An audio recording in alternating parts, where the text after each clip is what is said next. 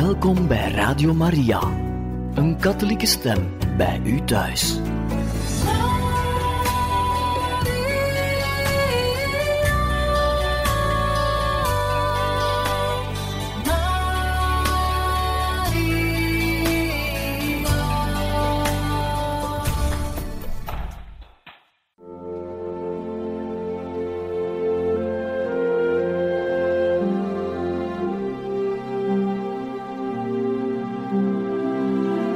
Beste luisteraars van Radio Maria, welkom bij het programma Catechismus. Een overweging bij de geloofschat van de kerk.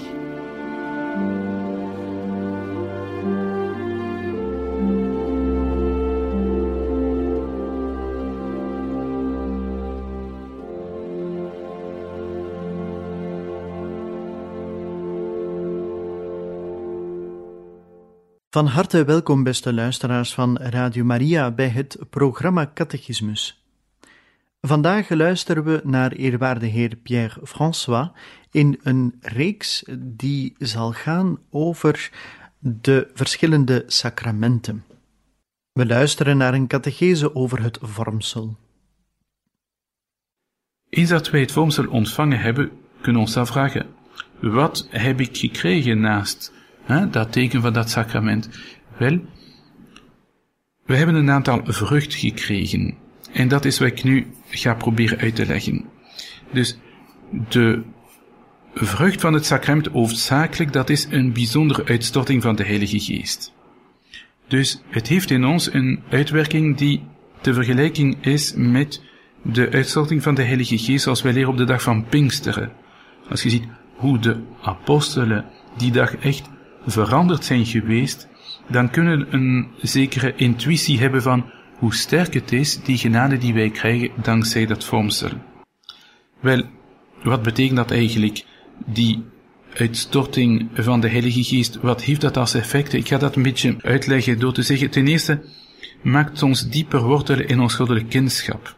We hebben een geest van kindschap uh, ontvangen, zegt Paulus aan de christen van Rome, waardoor we Abba, Vader kunnen roepen. Dus door die werking van de Heilige Geest komen we veel dieper binnen het mysterie van de drie eenheid. We kunnen echt God onze Vader noemen en we beseffen dat dieper dankzij het vormsel. Vervolgens, zoals elk sacrament, de genade van het doopsel verenigt ons hechter met Christus. We moeten niet vergeten dat het sacramenteel leven als doel heeft ons één te maken met Christus. We worden een andere gezalfde, een andere Christus, Christus zelf. Dus het vormsel geeft ons een sterkere band met Christus. Natuurlijk, tussen de vruchten van het vormsel moeten we ook de gaven van de Heilige Geest uh, noemen. Hm? Die zeven gaven die we opgesomd hebben uh, terwijl wij de ritus hebben beschreven. Dus die gaven van de Heilige Geest. Wat het vormsel ook geeft, dat is een volmaaktere band met de kerk. We zijn vanaf het doopsel al ledematen van Christus en leden van de kerk, maar met het vormsel komt dat tot een bepaalde rijpheid, tot een bepaalde volheid. En tenslotte, en dat is waarschijnlijk hetgene dat het meest mm, spreekt tot de verbeelding van de mensen, door het vormsel ontvangen wij ook een bijzondere kracht van de Heilige Geest. We zijn bevestigd. In bepaalde talen uh, wordt het woord bevestigen verbonden met confirmare, confirmatio, confirmation, confirmation. Wel, het vormsel bevestigt ons, geeft ons een bijzondere kracht van de Heilige Geest om het geloof door woord en daad te verspreiden en te verdedigen.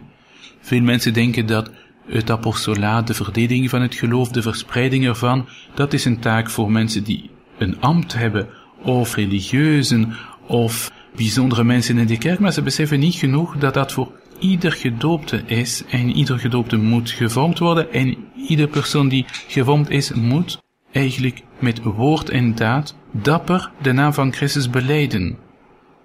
Het is fout een bepaalde kerk te willen bouwen zonder behoefte aan bekering. Een gemakkelijke kerk, een kerk met lage instapdrempel, dat is het nooit geweest en dat zal het nooit zijn. We zullen altijd dapper de naam van Christus moeten beleiden. Uh, bepaalde mensen hebben soms schaamte van hun geloof of schaamte van het kruis.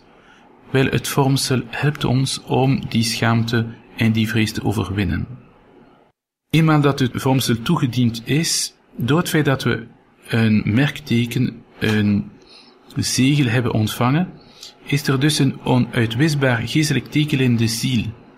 Daarom is het onmogelijk het vormsel een tweede keer te ontvangen. Ontvang het één keer voor goed. Dat merkteken heeft ook een ander aspect. Het is verbonden met het priesterschap. Het algemene of gemeenschappelijk priesterschap van de gelovigen. Dat zij het doopsel hebben ontvangen, wil dat wordt bevestigd, vervolmaakt door het vormsel. En dus krijgt de vormeling de macht om in het openbaar het geloof in Christus te beleiden. Het is bijna een ambt, quasi ex officio, zegt de Latijnse tekst van de catechisme van de katholieke kerk. Dus men krijgt echt een opdracht om te beleiden dat we christen zijn, dat we, hoe zijn we soms soldaat van Christus, maar deze woorden worden niet gebruikt in de catechismus, waarschijnlijk omdat de catechismus zich wenst te beperken tot de woorden die echt in de openbaring voorkomen in de Bijbel. Wie kan het sacrament van het vormsel ontvangen? Wel, het antwoord is heel simpel. Iedere gedoopt die er nog niet gevormd is, kan en moet het sacrament van het vormsel ontvangen. Nu is de vraag wanneer. Dat gaan we nog uitleggen. Maar dus, het doopsel, het vormsel en de Eucharistie vormen een eenheid. En daarom zijn de gelovigen, dat zegt het kerkelijk recht, aan de verplichting gehouden het sacrament tijdig te ontvangen. We moeten nog zeggen wat is tijdig, want dat varieert van plaats tot plaats in de kerk. Want, zo zegt de kerk, zonder het vormsel en de Eucharistie is het sacrament wel geldig en werkzaam, maar blijft de christelijke initiatie onvoltooid. Laat ons even kijken wat we doen in de Latijnse, de Westerse kerk. Wel, men geeft het vormsel wanneer de gelovige de jaar van verstand heeft bereikt. En dat kan op twee manieren geïnterpreteerd worden. En dat is de verantwoordelijkheid van de bisschoppen om te zeggen hoe het moet gebeuren in grondgebied dat hun toevertrouwd is.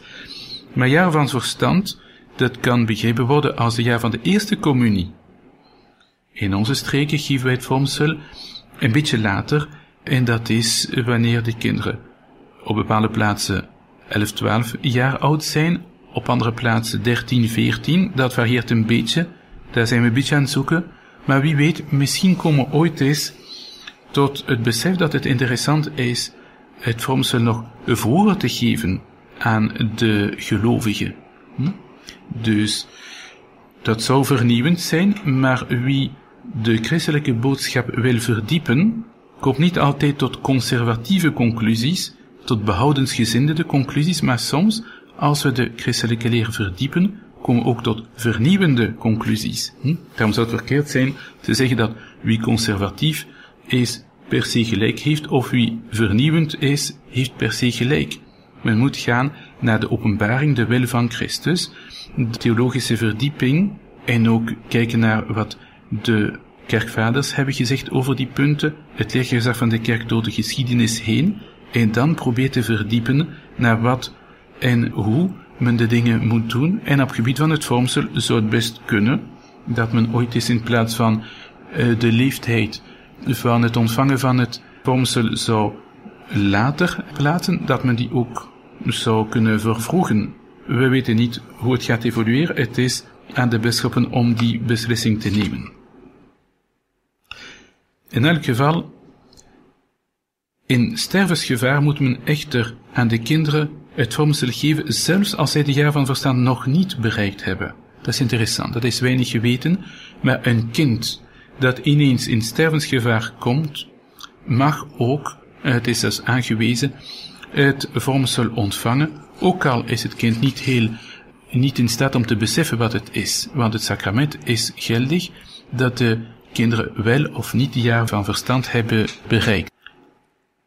Dan wens ik ook iets te vertellen om geen verwarring te hebben. Men spreekt als, over het vormsel als het sacrament van de christelijke rijpheid, maar men mag niet de volwassen leeftijd van het geloof verwarren met de natuurlijke groei. Hm? Iemand is volwassen als hij, ja, hier variëren natuurlijk de meningen? Hè? 15, 16, 18, 20, 21, soms is het veel later helaas. Hm? Dus de, de rijpheid op uh, gebied van de natuurlijke groei komt rond die jaren, maar het kan best zijn dat de geestelijke rijpheid in het geloof veel vroeger komt. De heilige Thomas van Aquino zegt iets dat interessant is. Hij zegt de leeftijd van het lichaam is niet op zichzelf bepalend voor de ziel. Met andere woorden, hij haalt de christelijke rijpheid los de rijpheid op gebied van de natuurlijke groei. Zo zegt de heilige Thomas, kan de mens zelfs als kind de volmaaktheid van de geestelijke leeftijd verkrijgen, waarvan het boek der wijsheid zegt, het aanzien van de ouderdom berust niet op het lange leven, hij wordt niet afgemeten naar het aantal jaren. Zo zegt het boek wijsheid. Zo, vervolgt de heilige Thomas van Aquino, hebben vele kinderen, dankzij de kracht van de heilige geest die zij ontvangen hebben, dapper voor Christus gestreden, tot het geven van hun bloed toe. Met andere woorden, moet men de kinderen niet onderschatten op gebied van de rijpheid om het vormsel op jonge leeftijd te ontvangen. De christen worden voorbereid op het vormsel. Ze zullen dankzij dat sacrament tot een innige vereniging met Christus komen. Dus het zou goed zijn ook dat zij de leer en de kennis van de christelijke leer zouden verdiepen. Daarom is er een vormselcatechese voor die, voorzien. Hm? Om de christen gevoelig te maken voor het feit dat hij toebehoort aan de kerk van Jezus Christus. Zowel aan de universele kerk als aan de parochiegemeenschap. Hm? De laatstgenoemde gemeenschap die van de parochie heeft een bijzondere verantwoordelijkheid om de vormelingen voor te bereiden. Een andere voorwaarde om het vormsel te ontvangen, dat is in staat van genade te zijn. Dat betekent, dat is de staat die men heeft na het doopsel, en dat men verliest met een doodzonde, en dat men kan recupereren dankzij het sacrament van de boete, van de biecht. Dus daarom is het ook aangewezen om voor het sacrament van het vormsel eerst het sacrament van de biecht te ontvangen. In ieder geval een meer intens gebedsleven moet de christen voorbereiden om volgzaam te zijn voor wat de werking van de Heilige Geest is. Hm? Dus de vormselcatechese moet ook samengaan met een verdiepen van het gebedsleven.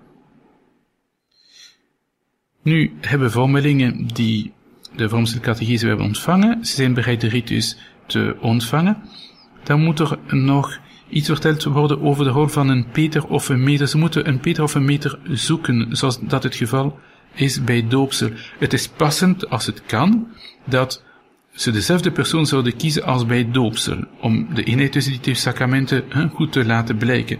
Maar soms is dat niet mogelijk, en dan kan men een andere Peter of meter kiezen voor het vormsel.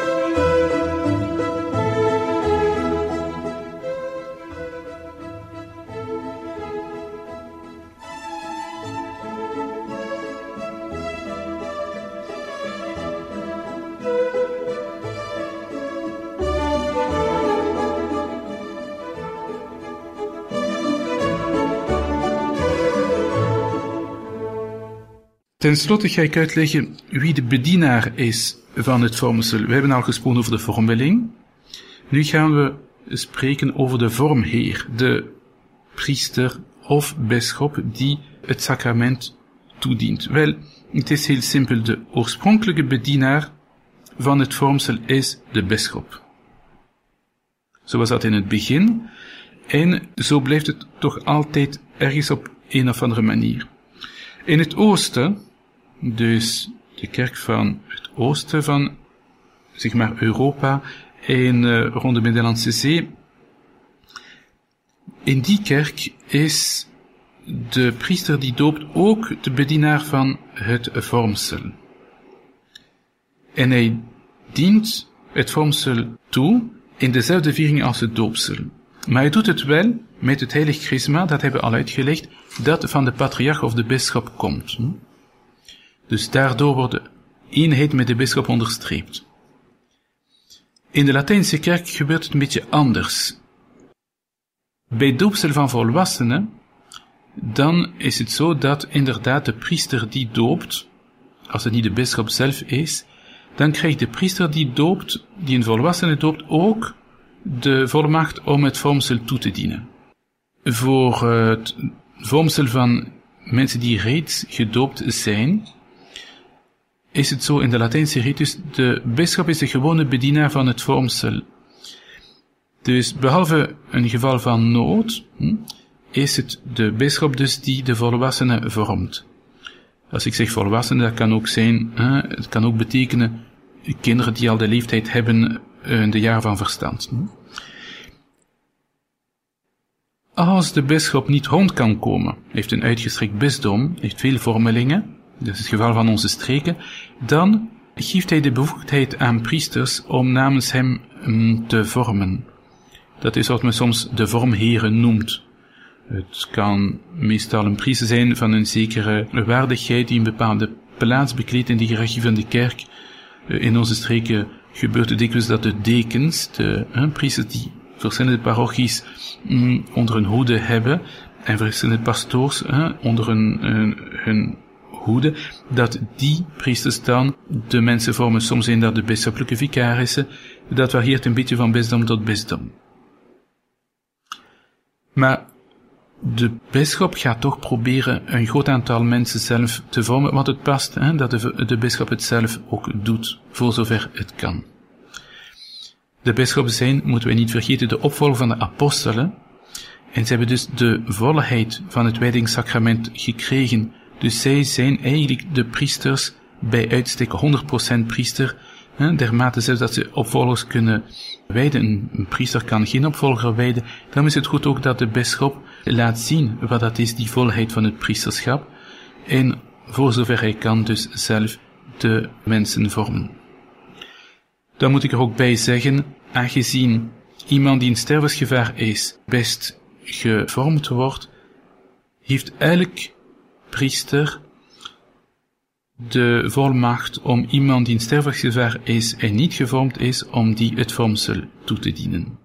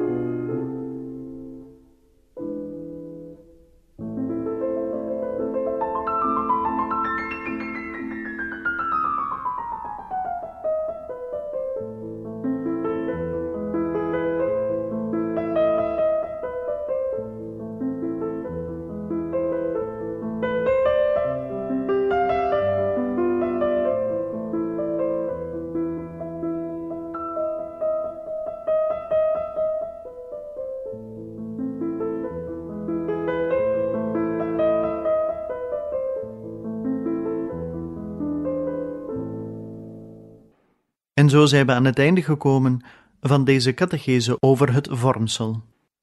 Een volgende keer staan wij opnieuw bij een catechetisch thema stil. We hopen dan ook dat u er ook opnieuw wens bij te zijn. Van harte dank en nog een zeer fijne dag gewenst.